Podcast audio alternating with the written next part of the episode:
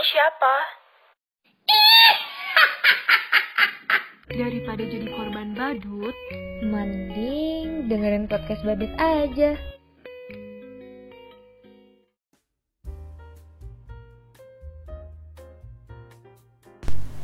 Hai hai semua clown, balik lagi nih di podcast clown bareng aku Diana nih seperti biasa Nah gimana nih kabar para semua clown kali ini, semoga sehat-sehat selalu ya Nah aku mau nanya nih sama kalian, pernah nggak sih kalian itu bingung atau bahkan masih nggak tahu nih setelah lulus nanti mau ke mana? Atau mungkin udah tahu tapi masih ragu nih buat ngambil langkah selanjutnya ke mana juga? Nah jangan galau karena kalian sudah memilih podcast yang tepat Ya, jadi sekarang podcast Clown kedatangan tamu spesial lagi nih. Wah, kayaknya banyak banget ya tamu spesial yang datang di Clown ini. Tapi kali ini tentu saja berbeda, yaitu kita kedatangan HRD dari Nutrifood dan juga Forkom Siswa dan Pasar. Nah, untuk HRD Nutrifood sendiri, Kak Nina mohon mungkin bisa disapa-sapa dulu sama Clown dan sekalian memperkenalkan diri nih Kak Nina. Oke, thank you di Halo Semaklan ya sebutannya ya. Halo teman-teman Iya. Semaklan yang lagi ngedengerin uh, podcast kita. Selamat pagi, siang, malam, tergantung kalian dengernya kapan. Salam kenal. Panggilnya Nina aja. Uh, aku dari tim Human Resource di PT Nutrifood. Salam kenal. Oke, nah aku mau nanya nih Kak Nina sekarang aktivitasnya apa nih kegiatannya Aktivitasnya? seharian? Iya. Sehari-hari kerja kerja kerja. Oke. masih Kerja, kerja, masih, kerja. Hmm. masih kerja sambil diselip-selipin main-main sebentar gitu ya pokoknya Oh, gitu. ya gitu-gitu aja dah WFA WFO masih shifting ganti-gantian gitulah di sama lah Hmm. ya kayak teman-teman kan kuliahnya juga masih hybrid ya ada yang Iya, offline ada yang online ya Iya kak, betul. Oke. Nah, untuk dari perwakilan Forkom Siswa dan Pasar ini kita ada kedatangan tamu cantik juga nih. Mungkin bisa perkenalkan diri nih. Halo semua clown, kenalin aku Komang Bintang Listi Dewi. Kalian bisa panggil aku Bintang kalau emang nama aku susah di eja, tapi kayaknya gampang deh. Jadi kalian bisa panggil aku Bintang aja. Jadi aku Iya. perwakilan dari Forkom. For- Forkom itu apa sih? Eh, sorry ya kalau ini kesannya promosi, tapi aku cuma ngasih tau kepanjangannya. Nggak apa-apa bintang, nggak apa-apa. Forkom itu Forum Komunikasi OSIS SMA, SMK, dan Pasar. Boleh kali kalian join nanti ya. Aku Oke. saat ini sedang duduk di kelas 11 SMA. Oke. Nah, untuk sama clown ya mungkin bisa join Forkom nanti bisa kontak-kontak bintang ya. nah, em, nah untuk topik kali ini kita mengangkat topik yang interesting banget nih, yang menarik banget tentang persoalan karir nih. Karena kan mungkin sama clown sendiri juga ada yang bekerja atau mahasiswa atau mungkin lagi di sekolah dasar, eh sekolah SMP, ini nggak mungkin sekolah dasar ya. Nah, eh, mungkin kalian bisa mendengarkan podcast ini dan bisa terinspirasi nih gimana untuk karir depannya. Oke, untuk itu kita eh, perlu mengetahui nih karir kan adalah suatu hal yang kadang membingungkan ya karena sesuai faktanya di Indonesia ternyata 65% mahasiswa yang ada di Indone- di Indonesia ini tidak bekerja sesuai dengan program studi yang telah ia pelajari. Tetapi mereka bekerja pada lintas jurusan yang tidak ada sangkut pautnya dengan program studi mereka nih. Bahkan hal tersebut juga sudah terjadi ketika anak-anak SMA memilih eh, jurusan yang ternyata tidak sesuai nih karena pas kuliah ternyata mereka ngambilnya hukum. Padahal awalnya jurusannya MIPA nih kayak aku nih contohnya. Nah eh, jadi di episode kali ini kita bakalan berbincang-bincang hal yang tidak lepas dari topik tersebut oke? Untuk membuka pertanyaan nih ya aku mau nanya Kak Nina dulu nih dari perspektif Kak Nina sendiri. Menurut Kak Nina apa sih karir untuk masa depan itu Kak Nina? Oke, karir untuk masa depan. Gampangnya yang namanya karir itu kan apa ya? Perencanaan kita, pekerjaan kita gitu ya kayak perjalanan karir kan kita biasanya perjalanan pekerjaan kita nanti ke depannya seperti apa gitu ya. Kalau menurut aku yang namanya karir adalah ya bagaimana kita merencanakan apa yang nanti akan kita kerjakan di luar sana yang nantinya bisa jadi sumber segalanya ya, sumber penghasilan, terus habis itu sumber mencari teman, sumber kebahagiaan misalnya. gitu. Jadi kalau namanya karir kayak gitu. Walaupun menarik banget ya tadi yang disampaikan sama Diana di awal tentang faktanya yang tadi ya 65% orang nggak kerja se- sesuai sama jurusannya tapi mungkin perlu Betul. digarisbawahin itu nggak salah juga kok gitu bisa jadi kita pas ngerencanain bisa jadi salah ya gitu kayak Mhm. kadang-kadang nggak sesuai apa yang kita mau atau nggak sesuai sama apa yang kita rencanakan gitu jadi itu nggak salah juga nih. Nanti banyak lagi yang banyak kayak kamu di. Ternyata salah milih jurusan atau pas udah Iya. kuliah udah semester 3 baru kayaknya nggak suka deh. Terus gimana ya? Biasanya kebanyakan kayak gitu-gitu. Oke. Nah, kalau dari perspektifnya Bintang sendiri, gimana sih karir untuk masa depan itu? Nah, kalau dari aku sih karir untuk masa depan itu adalah gimana cara kita nyiapin plan-plan atau gimana cara kita menstrukturin lah gimana kita nanti ke depannya kayak kita mau kerja apa, kita mau kuliah jurusan apa, kita mau ngapain nanti. Itu bisa kita persiapin sejak awal, sejak aku nih sebagai duduk di bangku SMA kelas 11, aku bisa Mhm. persiapin dari sekarang atau bisa lebih awal lagi itu nggak apa-apa, nggak apa-apa banget malah. Menurut aku sih gitu ya. Oke, oke. Jadi eh, seperti itu ya pendapat dari Kak Nina dan juga Bintang. Nah, untuk next question nih, pertanyaan selanjutnya aku mau nanya, menurut kalian seberapa penting sih mempersiapkan jenjang karir untuk masa depan itu? Nah, mungkin Kak Nina bisa menjawab terlebih dahulu. wow kalau serba penting pertanyaannya pasti jawabannya penting gitu ya karena tadi nih Mhm. kalau yang namanya karir itu kan akan kalian jalanin ya. Mungkin bisa jadi sepanjang hidup kalian dan bisa jadi kayak kalian tentuin sendiri nih kapan stop kapan mau pindah haluan kapan mau apa dan segala macam. Bedanya sama sekolah kalau sekolah udah ada yang ngaturin ya secara sistem 3 tahun lulus SMA Iya, betul, gitu ya betul. bintang ya. Kemudian nanti kalau kuliah tiga setengah tahun 4 tahun skripsi lulus gitu ya. S2 juga mungkin kayak gitu. Tapi kalau namanya pekerjaan itu kita yang tentuin gitu. Jadi uh, penting banget buat kita tahu apa yang sebetulnya benar-benar kita mau gitu ya. Sehingga nanti pada saat udah ngejalanin tetap bisa happy tetap tidak ada walaupun beban pasti ada ya tapi maksudnya tetap bisa Iya, nikmatin betul. lah gitu. Tetap bisa menikmatin gitu. Jadi penting penting banget Oke.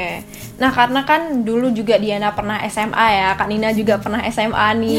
Dan apalagi eh, anak-anak zaman sekarang nih udah banyak banget nih yang ambis-ambis. Contohnya temennya Diana, Diana sendiri waktu SMA, dia baru lulus SMP nih, baru naik ke kelas 10 SMA dia udah beli buku SBMPTN, udah Wow. mempersiapkan iya kak, mempersiapkan sejak awal nih nanti lulus SMA dia mau ke mana dan lain-lain itu Diana merasa tertinggal banget sih karena Diana sendiri waktu SMA baru mempersiapkan kuliah jurusan kuliah itu pas kelas 12 itu waktu akhir-akhir banget gitu. mepet ya Iya, Titik kelas mepet 10 ya. hahihi. Apalagi Diana kan eh, lintas jurusan ya kayak wow banget gitu. Nah, Iya, jadi itu sih pentingnya mempersiapkan karir itu emang sejak dini banget gitu. Nah, kalau dari perspektifnya Bintang sendiri gimana nih tentang mempersiapkan jenjang karir untuk masa depan? Kalau dari aku sama sih kayak Kanina, itu tuh emang penting banget. Terutama juga kita tuh sekarang ini ada internet ya, jadi kita tuh bisa mempersiapkan diri dari strategi-strategi. Kita harus ngapain sih itu? Semua itu ada di YouTube, ada di YouTube. Kayak misalnya nih, kan sering tuh ada youtuber-youtuber yang sharing dia tuh kuliah pengalaman kenapa bisa lulus SBMPTN itu gini gini gini strateginya tuh gini gini gini jadi kita bisa pakai itu sebagai referensi ke depannya. Karena juga sekarang bukan cuma di YouTube tapi di aplikasi TikTok sendiri yang rata-rata kakak-kakak dan sama kalau nih pasti tau lah ya apa itu TikTok. Dan mungkin setiap hari nge-scroll ya nah itu tuh Mungkin ada yang jadi TikTokers juga. Selebtak ya Iya. nah di TikTok itu kayak bener sebenarnya tuh sering muncul banget tuh di FYP kayak ada yang kelas 9 udah ambis terus ada tuh uh, video-video yang kayak misalnya pembukaan pengumuman SBMPTN itu ngeliat itu terharu gitu loh itu tuh sebagai jadi pacuan sih kayak wah pokoknya harus lulus SBMPTN kayak gitu Nah, jadi motivasi iya ya. Bintang bener ya? bener banget nah cara kita biar gimana sih kita biar buka pengumuman SBMPTN atau SMP, SNMPTN itu biar ucapannya itu bukan selamat coba lagi tapi selamat anda lulus. Itu tuh adalah Wah, caranya adalah iya, iya. mempersiapkan sejak dini pokoknya sedini mungkin lah. Karena kan saingan kita tuh se Indonesia dan itu tuh nggak dikit Betul. gitu loh bukan cuma se Bali tapi se Indonesia. Dan itu tuh cara kita nyiapin itu adalah ini bener-bener persiapan yang semua orang tahu itu adalah persiapan sejak dini kayak lakukan seawal mungkin deh. Karena kita semua Iya, tahu iya. kita semua tahu kita semua tuh punya mimpi kita masing-masing dan kita tahu mimpi kita tuh eh, level kesusahannya tuh sebenarnya sih kayak apakah sedang segini segini atau lebih tinggi lagi gitu. Karena Hmm, ada quotes ada quotes kayak kalau kita nggak takut sama mimpi kita berarti mimpi kita itu nggak tinggi. Pernah dengar nggak kakak-kakak pernah pernah baru pernah pertama banget. kali sih aku. Aku Iya. pernah. Kalau misalnya nggak takut sama mimpinya berarti mimpinya kurang tinggi gitu. Iya. tapi kadang-kadang itu itu mungkin idealnya gitu kali ya bintang ya mungkin tapi kita Iya. juga harus belajar untuk kayak ya itu tadi ya kadang-kadang kita perencanaan yang B dapatnya eh ngerjain A dapatnya B C D E F G Iya. sampai Z gitu jadi memang betul banget tadi yang dibilang bintang juga renca direncanain sejak dini itu penting banget kayak tadi temennya Diana juga ngerjain soal assignment dari lulus SMP gitu ya pokoknya Iya. stres nggak stres nggak dia Em, Pusing nggak? enggak sih karena Emang dia juga ya? masih iya masih bisa ikut organisasi juga Hmm. aktif gitu emang orangnya ambis banget gitu mantap tergantung Iya. time management sama dia enjoy atau nggak Nah. ngejalanin hal tersebutnya Mm-mm. Bener banget. Oke, kalau boleh nanya-nanya nih, kira-kira bintang cita-citanya mau jadi apa nih ke depannya nih? Eh, gimana kalau kita tebak-tebakan dulu deh menurut Kak Yana ya. sama Kak Nina aku cita-cita aku apa apa ya? nih Nggak kepikiran nih bintang nih. aku SMA Mau jadi SMA, mau jadi IPA. DPR bintang. Oh, enggak dulu, enggak dulu. Nanti dihujat ke Indonesia lagi. Enggak dong. Apa ya? Kalau kinerjanya bagus. Apa ya apa? jadi apa ya nggak bisa nebak nggak cena nggak bisa cenayang harus interview deep iya. Udah Nah, spill aja aku- bintang. Eh, kalau aku karena aku dari IPA SMA dan aku nggak mau menyia-nyiakan Mm-hmm. Masa SMA aku yang sekarang udah 2 tahun jadi aku memilih untuk menjadi Astungkare Fakultas Oke. Kedokteran Heeh. dan untuk spesialisnya Oke. aku udah tahu mau ke mana aku pengen jadi spesialis ke psikiater Astungkare Wow. mohon doa-doanya kakak-kakak sekalian Iya, Oke. amin. psikiater ya berarti Iya. eh, dokter ahli jiwa gitu ya Iya, Oke, spesialis kejiwaan. oke. kita ketemu lagi ya tiga tahun lagi ya mungkin seru kali ya kita ceritain lagi ya bagaimana perjalanannya gitu-gitu kan memilih kampus nanti kita dan nanti kita adain macam. podcast lagi kayaknya seru deh tiga tahun ya ada before Boleh dan after boleh. Nanti nanti aku undang lagi deh eh, setelah Oke. tiga tahun ya. Ya, kan kamu udah Bintang lulus sama juga Kak Nina. kan. Nanti Iya, Diana udah iya, lulus. betul. Terus kita lihat Diana kerjanya di hukum atau eh di hukum Atau atau keluar nih keluar jalur atau ya. ke mana gitu ya. Mungkin aku jadi psikolog juga nih. Kerja di Oke. bagian HR bisa kok, nggak harus Iya, orang iya. psikologi gitu. Iya bisa sih. Mm-mm. Oke ternyata bintang sama Kak Nina relate juga ini ya kerjaannya ternyata searah juga maksudnya keinginannya gitu. Semoga bintang dikasih yang terbaik deh nanti lulus Amin, SMA-nya. Amin, amin, Oke. amin, amin, amin. Mm-mm. Dulu aku nggak untuk- pernah cita-cita Iya? sih jadi HRD. Dulu aku pengen Oh, jadi gitu. Dulu aku sekolah psikologi tapi selalu pengen jadi psikolog anak gitu. Selalu pengen Ah, jadi I psikolog anak. Tapi ya itu tadi ya, kadang-kadang kenyataan membawa aku pada kebutuhan-kebutuhan. HRD itu ngapain kak? Kalau Iya, emang oh HRD ya, itu cerita dulu kali ya, mungkin belum banyak yang tahu juga gitu ya. Jadi Iya. kalau misalnya Masuk HRD? HR itu singkatan dari Human Resource. Jadi kalau misalnya teman-teman di kantor di mana pun lah ya pasti ada bagian-bagian mereka-mereka yang urusannya intinya ngurusin orang-orang gitu. Cuman secara spesifik aku itu di bagian rekrutmen. Kebayang nggak rekrutmen ngapain? Oke. Yang Mencari- wawancara gitu kan ya? Ya betul. Rekrutmen itu adalah bagian-bagian eh, di bagian di HR yang tugasnya eh, apa ya menyeleksi lah ya seleksi karyawan gitu ya placement karyawan. Jadi kalau sehari-hari ya benar kata Diana, Diana tadi ngetesin lah, kemudian interview, kemudian apalagi ya ya tes Bacain CV. bacain CV betul. Jadi itu pekerjaanku sehari-hari. Kebayang nggak? Dulu aku dulu aku pas dari SMA dari SMA ya kalau nggak salah. Aku tuh emang pengen jadi psikolog. Cuman aku tuh pengen jadi psikolog anak karena aku suka sama anak kecil suka sama perkembangan Oh. gitu kan. Terus pas kuliah ngambil dong psikologi gitu kan. Terus ngambil dong. Ternyata ternyata juga oh psikologi itu banyak banget gitu sama kayak nih temen-temen nih kalau misalnya kalian udah tahu mau jadi apa udah mau kuliah tahu kuliah apa kayak Diana juga mungkin jadi tahu kan oh hukum tuh banyak banget loh ternyata ada Iya, hukum benar. apa sih pidana perdata itu sendiri kan kayak apa ya penjurusannya masing-masing Hukum, mm-mm. ada hukum ekonomi hukum perdagangan Internasional. hukum Mm. internasional macam-macam banget nah pas itu eh, ada tuh namanya psikologi per- perkembangan aku ngambil itu sebagai kayak pilihan mayor ya istilahnya ya Ya. pilihan utama gitu. Cuman ya ternyata pas pada saat aku kerja dan segala macam eh aku kecemplung di bagian dan ternyata senang-senang aja gitu. Ternyata masih bisa masih bisa stay gitu-gitu.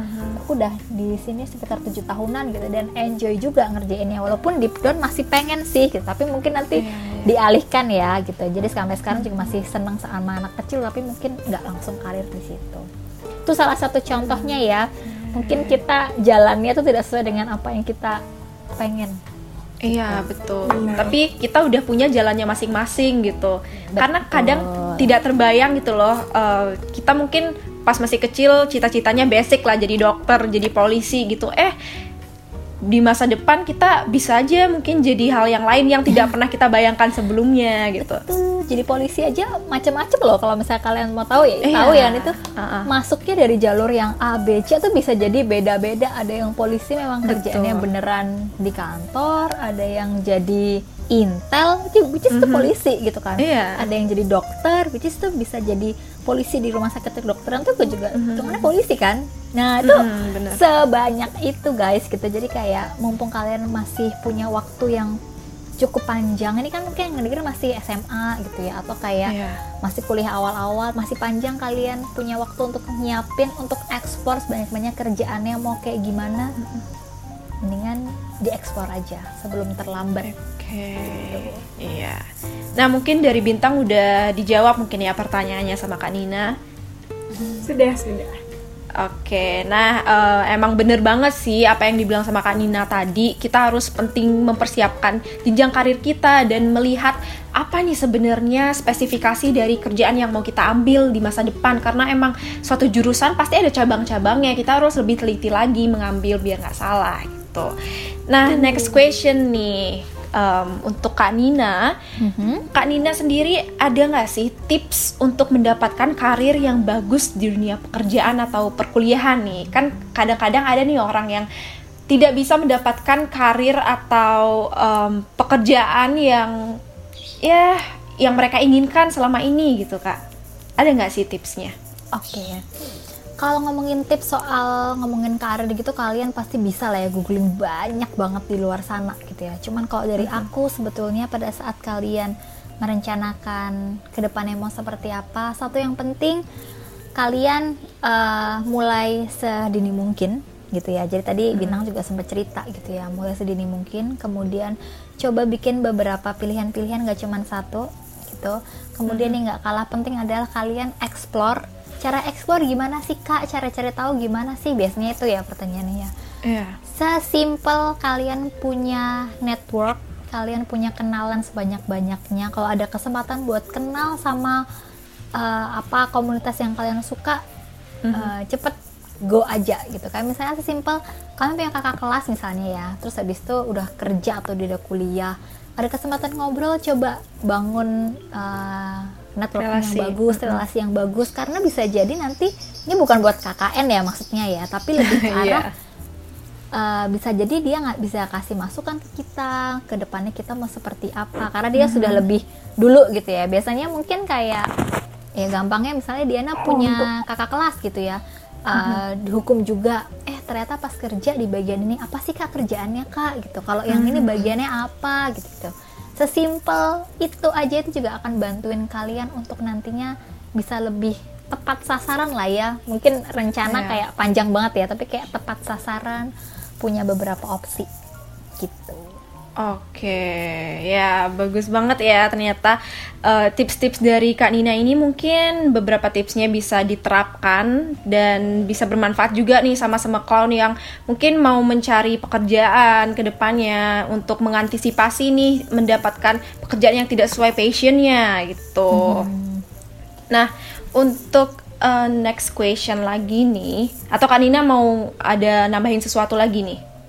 hmm, apa belum sih ya tadi Enggak, ya. cukup ya. kalau misalnya siapin kayak gitu tapi kalau misalnya kayak udah terlanjur gitu ya mungkin yang dengerin ada kali ya yang kayak udah terlanjur salah jurusan nih kayaknya udah semester 4 tapi gue harus selesaiin gimana ya? Iya, gitu ya. iya, iya. gitu kan. Atau kayak misalnya udah terjebak gitu ya misalnya terjebak gitu eh, nggak apa-apa coba jalanin dulu coba cari apa yang kalian suka gitu ya lakuin Iya. uh, sesuatu yang kalian suka misalnya ternyata pas kuliah hukum kok ternyata gue aku lebih suka bisnis ya gitu ya udah coba kan bisa bisnis yang lain kan misalnya kayak jualan online Betul, atau betul. apa cari hal itu tapi yang jelas kalau kalian udah mulai kayak tadi ya kalau udah mulai udah mulai kuliah dan segala macam selesaiin dulu itu kan tanggung jawab kalian juga ya karena kan Mhm. Biar bagaimanapun itu yang kalian pilih kan. Walaupun itu pilihan Iya. kedua ketiga tapi itu tetap yang kalian pilih gitu. Jadi marilah Betul, bertanggung belajar buat tanggung jawab sama pilihan. Itu juga penting. Oke. Nah, iya iya. Eh, ini sebenarnya relate juga sih sama pertanyaanku yang selanjutnya nih kak tentang bagaimana nih cara menindaklanjuti karir yang sudah buruk nih di pekerjaan atau di perkuliahan. Kan eh, kayak tadi ya nggak bisa aja nih kita tidak sesuai dengan skenario yang kita bayangkan sebelumnya. Ternyata kita mendapatkan pekerjaan yang tidak sesuai passion atau yang buruk gitu. Gimana nih kak cara menanggapinya? Oke, hmm, cara nanggapinnya coba cari. Kalau misalnya kita bisa bilang biasa gini ya, kalau kita bisa bilang itu buruk, berarti kita tahu apa yang baik atau apa yang Iya. seharusnya terjadi, ya nggak? Kalau kita pun nggak tahu apa yang seharusnya terjadi, berarti kita nggak bisa bilang kita lagi dalam hal yang buruk. Kebayang ya? Jadi Iya, kalau iya. misalnya kalian sudah pernah bilang ini buruk, berarti udah tahu ya yang baik apa. Ketika udah tahu yang baik apa, itu jadi nilai plus juga. Oke, misalnya yang baik itu ternyata aku harus apa? X kalau pindah jurusan kayaknya ekstrim banget ya, Di ya. Maksudnya sangat ekstrim walaupun Bener. walaupun itu mungkin banget dilakukan ya. Beberapa orang juga beberapa temen-temenku juga ada yang kayak dia udah setahun kuliah di sini misalnya. Terus ternyata eh, kayak nggak merasa cocok terus pindah ke fakultas lain atau pindah ke univ lain bahkan gitu ya ikut Iya. tes lagi gitu. Itu nggak salah juga tapi aku udah yakin tuh pasti mereka udah pikir baik-baik matang-matang sampai kayaknya kalau beneran di sini beneran se nggak happy itu dia emang nggak seneng sama mata kuliahnya misalnya gitu. Itu memang pilihan terakhir. Cuman kalau misalnya uh, masih bisa diusahakan karena kan pasti pas kalian milih juga udah dipikir baik-baik ya. Kita lihat lagi kita yang salah atau kita eh maksudnya lingkungan yang salah atau kita yang kurang cepet ya adaptasinya ya. Atau sebenarnya kita bisa nih cuman kita nggak mau usaha aja misalnya gitu.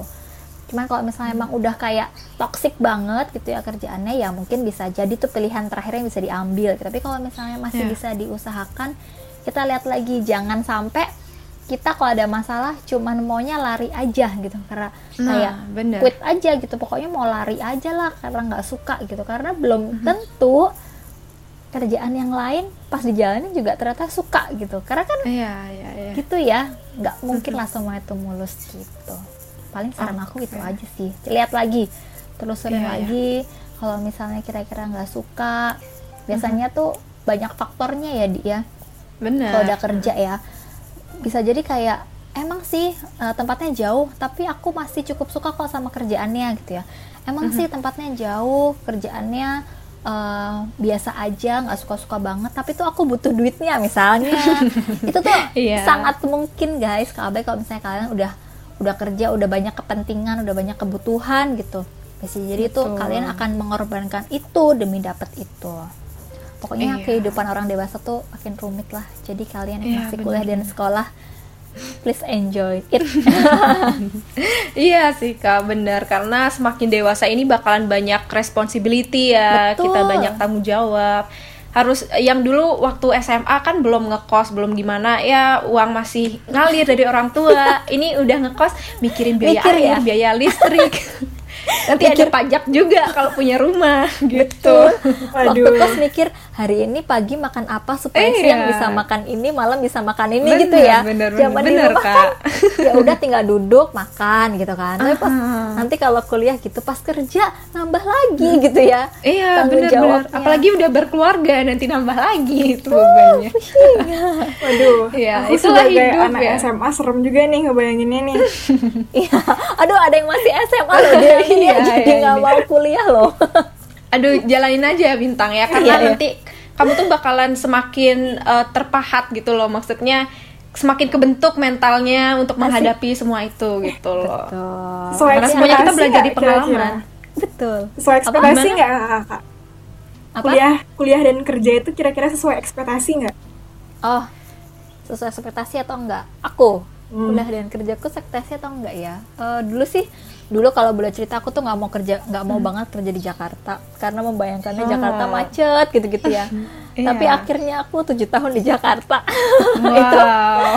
itu juga udah banyak pertimbangan ya pastinya. Kayak pertamanya eh, nggak mau pengennya kan karena aku merantau juga ya. Jadi aku bukan asli Jakarta gitu. Jadi kayak pengennya nggak jauh-jauh lah dari rumah gitu. Kalau ini gimana kalau itu gimana gitu. Tapi ternyata pas jalanin hari demi hari asik eh ya bisa aja gitu. Dan ternyata ya masih masih banyak plus min banyak plus minusnya. Cuman pas dihitung-hitung ya sampai sekarang masih bisa. Gitu. Kalau aku sih gitu sih. Kuliah pun aku juga sebenarnya nggak mau jauh-jauh tapi aku dilempar jauh karena keputusan apa kan suka gitu ya dia kita pengen kuliah di Iya, sini iya, dapetnya iya, ini gitu. Iya, relate banget sih kalau Diana ini. kamu merantau juga di Eh, ceritanya enggak, maunya merantau kak, tapi Maunya tidak merantau. kesampaian. ya masih di Bali lah gitu. Iya. Aku mau Karena merantau sih kak. sebenarnya. Gimana kak? Eh gimana bintang? Aku mau merantau sih. Aku gak mau di Bali. Oh, Menolak keren keras banget di sih. Bali.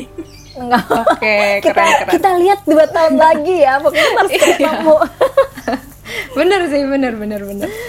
Sebenarnya eh, hal-hal yang membuat kita tidak sesuai bekerja tidak sesuai dengan passion atau yang lain-lain itu juga ada faktor eksternalnya juga nih. Contohnya kayak banyak kan yang dilarang nih sama orang tuanya buat ngambil ini ngambil itu gitu loh. Karena ada temanku sendiri nih yang pengalaman dia pengen jadi tentara pengen jadi ini. Eh nggak boleh. Nanti kamu sakit gimana gimana atau gimana gitu. Ya itulah yang membuat mereka terpaksa mengikuti keinginan orang tua dan lain-lain gitu. Bukan faktor internal aja sih kalau menurut Diana gitu. Kalau Kak Nina sendiri setuju nggak nih? setuju banget. Itu tuh Iya, yang namanya kayak gitu-gitu kadang-kadang ya kadang-kadang kalau mau ngomongin takdir tapi kan kalau takdir jadi kita nggak usaha ya. Yang penting kan kita usaha dulu nih. Yang penting kita Betul. tahu kita pengennya apa kita usaha. Once kit- usaha kita itu ternyata uh, tidak membawa kita ke sesuatu yang kita inginkan ya udah siapa tahu dari itu kita bisa ngambil pelajaran yang lain misalnya gitu kan. Saya kayak Iya. Dulu kalau misalnya aku nggak kuliah aku dulu nggak nggak mau banget tuh kuliah di di Jakarta Jakarta lah maksudnya kayak Mhm. dulu aku kan kuliah di Depok ya aku nggak mau tuh dulu kuliah di Depok Hmm. gitu Eh, rumah aku tuh di Solo di Jawa Tengah terus kayak jauh banget nggak nggak tidak membayangkan gitu tapi ternyata Ya. pas kuliah kemudian mm, pas kuliah sempat magang terus habis itu akhirnya kerja akhirnya oh pas sekarang aku pikir mungkin kalau dulu aku tidak kuliah di Depok aku nggak bisa dapat kesempatan sebesar ini kebayang ya Mhm. kayak Iya, iya, ya iya. pasti secara kesempatan pasti akan lebih terbuka lebar gitu ya kalau nggak begini aku nggak gini nggak gini aku nggak belajar ini gitu gitu jadi ya kadang-kadang tuh emang harus dipecut ya kadang-kadang emang kita pengennya kan ini itu ini itu tapi Mhm. Banyak hal banyak faktor kata Dian tadi betul banget banyak banget faktor Iya, yang iya. mempengaruhi kesempatan misalnya gitu ya kalau kita nggak diterima masa kita mau maksa pokoknya sama di Nah, sini lah kalau nggak diterima gimana gitu Bener sih, oke. Wah, iya ya. Aku setuju banget nih sih sama Kak Nina. Oke, nah eh, kita move sekarang ke bintang ya, bintang. Bintang sendiri ada nggak sih nih pertanyaan yang mau disampaikan ke Kak Nina sebagai HRD Nutrifood nih atau ke aku nih sebagai mahasiswa? Mungkin ada yang bikin penasaran. Boleh nih ditanyain sekarang. kayaknya banyak loh yang bikin penasaran Iya ya bintang ya. Dari muka-mukanya kelihatan penasaran banget. Kelihatan muka-muka bingungnya ya. Em, kalau dari aku sih kalau untuk kuliah nanti sebenarnya aku cuma tahu sebatas dari sharing-sharing pengalaman teman-teman aku doang atau nggak sharing-sharing perka- pengalaman dari teman-teman online gitu doang. Terus eh, ada beberapa pertanyaan nih di otakku. Eh, kakak-kakak pernah nggak sih kayak eh, ngalamin apa ya struggle di kuliah atau di tempat kerja? Kayak bener-bener struggle yang bikin kakak-kakak nih merasa kayak apa aku out aja ya apa aku pindah aja ya pernah nggak sih kak Hmm. terus Nah mungkin Kak Nina dulu kali ya. iya waduh karena aku sudah makan asam garam ya. Ada nggak ya struggle? Ada ada pasti pasti ada Untuk ya. Karena mencegah. kalau mulus-mulus aja kayaknya nggak seru gitu ya. Dulu tuh aku saking dulu tuh aku saking apa ya bukan nggak betah sih tapi aku lebih ke arah kayaknya aku nggak bisa deh mengikuti pace kayak eh, pace atau kayak lifestyle gitu-gitu ya. Dulu aku sempet mau pindah kuliah guys. Wow. fun fact ya bukan fun fact sih fakta. Aku dulu pernah pengen sempat pindah kuliah. Jadi kan pasti aku kuliah di aku di UI waktu itu di Depok kan. Uh, jurusannya sesuai sama yang aku pengen. Aku dari dulu pengen banget kuliah psikologi. Entah kenapa pokoknya aku tuh pengen kuliah psikologi. Aku nggak mau masuk jurusan IPA pas SMA karena aku tahu aku hanya akan kuliah psikologi nggak butuh IPA aku lebih Wah. butuh pelajaran sosiologi gitu-gitu kan. Mhm. jadi aku uh, memilih pokoknya bersikeras lah uh, untuk pilih jurusan IPS walaupun tadi kalau misalnya cerita orang tua nggak ngizinin segala macam pasti tuh aku memang agak keras kepala ya. Jadi pokoknya terserah pokoknya Terobos aku nggak mau. aja. ya terobos aja. Oh, bapak ibu juga kayak bingung pas ini rapet loh jadinya IPS gitu. Ya udahlah gitu ya. Udah. Asalkan uh, pokoknya tapi dari situ memang belajar buat ya tanggung jawab sama apa yang udah dipilih lah ya intinya. Udah aku membuktikan kalau misalnya uh, aku bisa gitu. Udah dong tapi ternyata keterimanya jauh gitu ya. Terus udah nggak udah nggak kebayang tuh. Ya pasti tuh ada beberapa hal gitulah ya.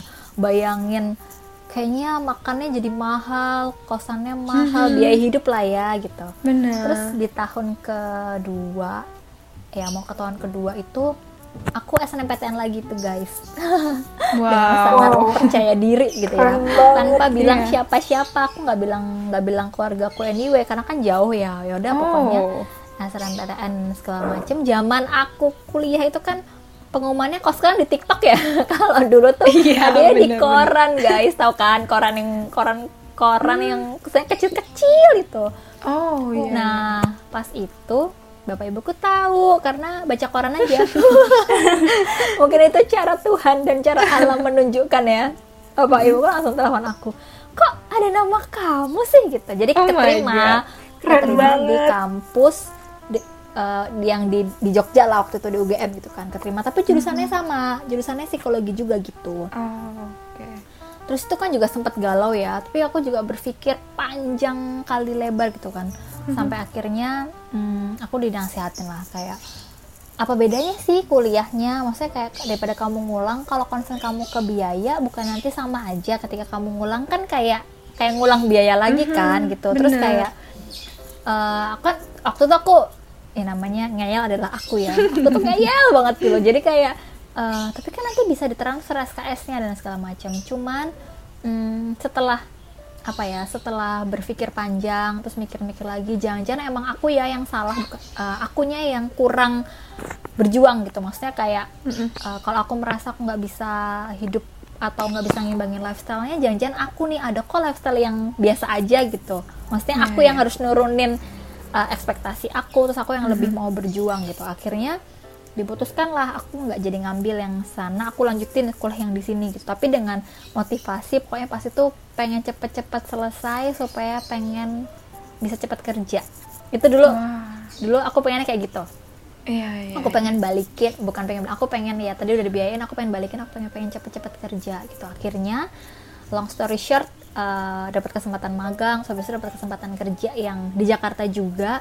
Dan cepet banget pas itu prosesnya ya udah akhirnya sampai sekarang terjebak. Terus pas sudah di sini udah tujuh tahun bekerja kuliahnya udah 11 tahun yang lalu baru mikir eh ya ternyata ada benernya juga ya. Mungkin kalau aku waktu itu di sana akan beda lagi ceritanya gitu. Bener bener bener. Itu mungkin salah satu struggle aku ya pada saat kuliah gitu. Karena ya tadi aku cerita pasti nggak mungkin lah ya semuanya mulus jurusannya suka uh, kuliahnya aku suka eh tapi ternyata aku nggak terlalu serak nih sama lifestyle-nya. Eh tapi setelah aku ubah lagi aku coba cari-cari gimana supaya aku tetap bisa beradaptasi. Karena kan nggak enak juga ya kalau kita cuma kuliah doang gitu ya. Kebayang nggak sih Iya. kalau kita kuliah doang tuh kayak Aha. duh nggak punya dunia lain tapi ini ini nggak punya itu nggak punya ini gitu. Tapi akhirnya ya ya bisa juga kok.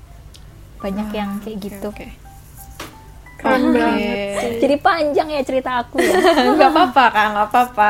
Banyak insightnya juga nih yang kita dapat. Ternyata eh, kak Nina ini berjuang berjuang juga ya ikut SBMPTN lagi dan dapat juga yang di Jogja itu. Keren banget sih. Mungkin bintang bisa terinspirasi nih. Banget jangan pindah-pindahnya loh. Itu galaunya udah saya banget. inspirasi tapi belajarnya pasti semangat belajarnya pasti kuat banget sih kak Nina itu boleh kali sampai kanina keterima. boleh kali kanina study tipsnya apa ya waktu ya itu kan SNMPTN kan gitu ya pelajarannya ya pokoknya intinya belajar-pelajar yang inti-inti gitu kan terus aku Iya, mana mana nggak pakai bimbel kan Kebayang oh serius ya Baru mau bisa nanya, bimbel baru orang mau lagi nanya. kuliah Oh iya ya. Mhm. Wah keren, Keren banget. banget sih. Kayaknya udah ada Belajar sendiri. bawaan. Bisa. Cor ya belajar sendiri, nginget-nginget lagi Mm-hmm. zaman SMA, kuliah eh belajar apa kan suka lupa ya. Iya bener. Udah setahun. Nah kalau em, bicara tentang struggle kuliah nih, kalau dari aku sendiri sih belum ada ya, karena aku let it flow saja gitu. Baru semester 1 soalnya juga belum ruwet-ruwet banget gitu. Iya emang ada uas atau ujian-ujian gitu, cuman online kan, jadi bisa, Belum bisa pernah ketemu open temen-temen ya berarti gitu. ya? Udah sih beberapa kali kan karena ada keperluan ngambil buku dan lain-lain. Aha. Ada ya gitulah. Rapat juga rapat offline gitu. Itu aja sih. Mungkin uh, bintang nanti bisa jalanin aja deh dulu dan yakin kamu pasti bisa kok gitu loh. Bisa uh, mengambil beban itu gitu. Yakin sama diri sendiri aja gitu. Nah, untuk bintang sendiri ada yang mau ditanyain lagi nggak? Eh, udah sih kayak udah langsung terjawab semuanya langsung berurutan Iya. tuh. Oke, udah cukup ya karena penjelasan Kak Nina juga udah lengkap banget dari pengalamannya dia yang luar, luar biasa dan lain-lainnya gitu. Oke, nah kayaknya kita udah cukup lama juga nih berbincang-bincang ya sama Kak Nina sebagai HRD dari Nutrifood dan juga Bintang sebagai perwakilan dari Forkom SMA di Denpasar nih. Nah, em, mungkin aku simpulin terlebih dahulu ya tentang materi yang udah kita em, bicarakan dari tadi tentang perspektif kalian mengenai karir itu apa, terus pentingnya siapin karir sejak dini, ada juga tips-tips dari Kak Nina agar karirnya itu sukses, mendapatkan pekerjaan yang bagus, di mana kita harus memulai sedini mungkin, terus mengeksplor dan em, menambah Belajar relasi, terus. networking, iya belajar terus pokoknya. Terus ada juga tips-tips untuk mengatasi yang untuk menanggapi kerjaan yang buruk nih kalau kita udah terlanjur em, tercimpung dalam ke kerjaan yang buruk itu mungkin bisa cari alternatif kerjaan lain atau koreksi diri sendiri mungkin eh, bukan lingkungan yang salah atau kita bisa intro, introspeksi gitu ya kak ya nah eh, mungkin untuk penutup kak Nina mau sampaikan sesuatu nih sama sama clown Eh, kesan penutup. pesan dan lain-lain iya Pesan-pesan, thank you banget sebelumnya. Senang banget bisa ngobrol sama Iya. Diana, sama Bintang gitu ya. Wah. Berasa kembali muda lagi ngobrol sama teman-teman kuliah, ngobrol sama teman-teman masih SMA. Jadi throwback masa-masa SMA penuh kegalauan gitu ya, ya di masa-masa kuliah penuh kegalauan. Tapi Iya. yang pastinya senang banget. Jadi aku boleh sharing di sini. Tadi aku sharing itu semata-mata karena karena aku sudah mengalami lebih dulu ya guys ya. Jadi ya sudah berpengalaman. sudah pernah ngalamin lebih dulu.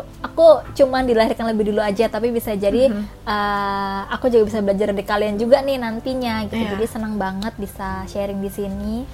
Uh, buat teman-teman yang masih struggling dalam mempersiapkan karir mikirin mau kuliah jurusan apa galau-galau dan segala macam nikmatin aja galau-galaunya gitu ya. Mhm, terus bener. uh, karena yang namanya galau itu nggak bisa diulang gitu. Karena nggak mungkin ya sekarang aku menggalaukan jurusan apa kan udah lewat gitu masanya ya. Jadi kayak nikmatin galau-galaunya enjoy the process. Tapi jangan lupa juga mm, kita lihat sekitar kita. Karena kalau kita apa ya istilahnya sekarang tuh kan dunia makin maju ya. Kalau misalnya orang bilang sekarang tuh gennya udah bukan dulu aku milenial. Terus habis itu jadi apa gen Y sekarang gen Z gitu ya udah Iya. semakin gen-gennya apalagi yang uh, alpha. Alpha gitu ya. Dengan segala macam uh, tantangannya di generasi masing-masing. Terus plus minus lah ya sekarang kan kalian informasi tuh banyak banget ya. Kalian tinggal cari aja pakai kata kunci yang tepat itu bisa nemu bahkan di mana-mana. Nggak cuman di Google loh tadi kalau misalnya bintang cerita dari TikTok aja kita bisa dapat banyak informasi gitu. Iya. PR-nya adalah gimana kita bisa dapat atau kita bisa saring informasi itu secara benar. Jangan sampai kita kayak saking banyak informasi kita bisa jadi kepleset loh di informasi yang salah, betul nggak? iya benar Ya kan? benar Kayak- sekali Tergiring opini sesuatu lah, jadinya kita jadi seperti apa. Nah itu juga tantangan sendiri buat generasi-generasi Z dan generasi Alpha ini yang semakin banyak informasinya. Cuman tinggal segegaman tangan ya, ya nggak sih kalian Iya, buka iya, handphone tinggal swipe swipe scroll scroll langsung dapat semuanya gitu. Jadi pesanku itu siapin sedih mungkin, ekspor sebanyak banyaknya. Jangan lupa terus berjejaring, bernetworking, gabung sama komunitas apa pun yang ada di sekitar kalian yang kalian suka pastinya, jangan yang terpaksa ya.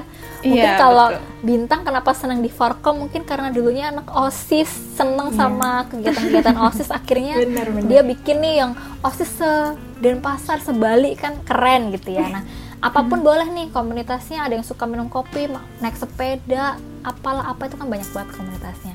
Kan dari situ kalian akan nemuin banyak jejaring, banyak Iya. kesempatan yang terbuka dari situ gitu ya. Betul. Dan belajar bisa dari mana aja. Wah, Gitu. Oke, oke. Oke, thank you Kak Nina Thank atas you. penutupannya. Nah, untuk Bintang sendiri nih, giliran sekarang Bintang eh, sampein kesan pesannya atau mungkin ada quotes nih buat para semeklown selama nge-podcast di sini. Oke, kalau aku sih eh, kesan pesannya ini sebelum sebelum aku to the point nih, aku bilang makasih dulu nih kepada pihak eh, yang ngundang podcast ini, yang ngundang eh, Forkom ke podcast ini. Aku makasih banget kayak gak nyangka ternyata Forkom eh, berperan juga ya di sini. Aku aku makasih banget kayak lumayan terharu nih. Ternyata kita juga diundang ke sini. Oke, terus kesan pesannya sih eh masku pesannya nih untuk sama clown semuanya nih semoga nantinya kalian bisa nentuin apa yang harus kalian kejar dan tahu karena sebelum kita mulai suatu apa namanya sebelum kita mulai mau ngapain pasti hal yang pertama kita lakukan itu adalah tujuan. Sama kayak kalau kita misalnya buat karangan pasti kita harus tentuin dulu dong kita mau buat cerita apa nih. Nah sama kayak kalau misalnya kita mau gapai suatu mimpi pasti kita harus uh, tahu tujuannya dulu. Kenapa kita uh, menggapai mimpi tersebut. Nah setelah kita dapet tujuan baru nih kita bisa rancang basic-basic lainnya. Kayak misalnya kita harus langkah demi langkah itu bener-bener harus diperhatiin terus juga kata-kataku sebenarnya udah disampaikan semua sih Kak, sama Kak Nina. Kayak aku sampai bingung nih mau ngomong apa lagi. Kayak, udah disampaikan semua sama Kak Nina. Jadi ya itu aja sih pesanku. Kayak mulai sedini mungkin dan jangan lupa setiap progres itu pasti ada langkah dan hambatannya. Jadi ya pelan-pelan aja dulu nikmatin aja dulu. Sama kayak Kak Nina tadi katanya kan galau-galauin aja nggak apa-apa nikmat aja galauin. Ya, ya walaupun galau itu nggak enak ya tapi ya dia enak-enakin aja deh benar Gitu deh, benar ya. benar benar. thank you Oke, oke, thank you Bintang. Nah, em, karena kita udah selesai nih sharing-sharingnya, aku juga mau ngucapin makasih sama Kak Nina, Bintang, dan juga pihak-pihak yang ada di balik layar ini ya, pihak Nutrifood dan yang lain-lainnya, karena udah ngasih kesempatan juga mau collab nih sama Clown gitu. Nah, untuk para semek Clown ini jangan bosan-bosan ya dengerin podcast Clown setiap hari Jumat jam 18.30 Wita di Spotify. Thank you sekali lagi Kak Nina sama Thank Bintang you. ya. Bye bye. Bye-bye. Bye-bye. Thank you, thank you.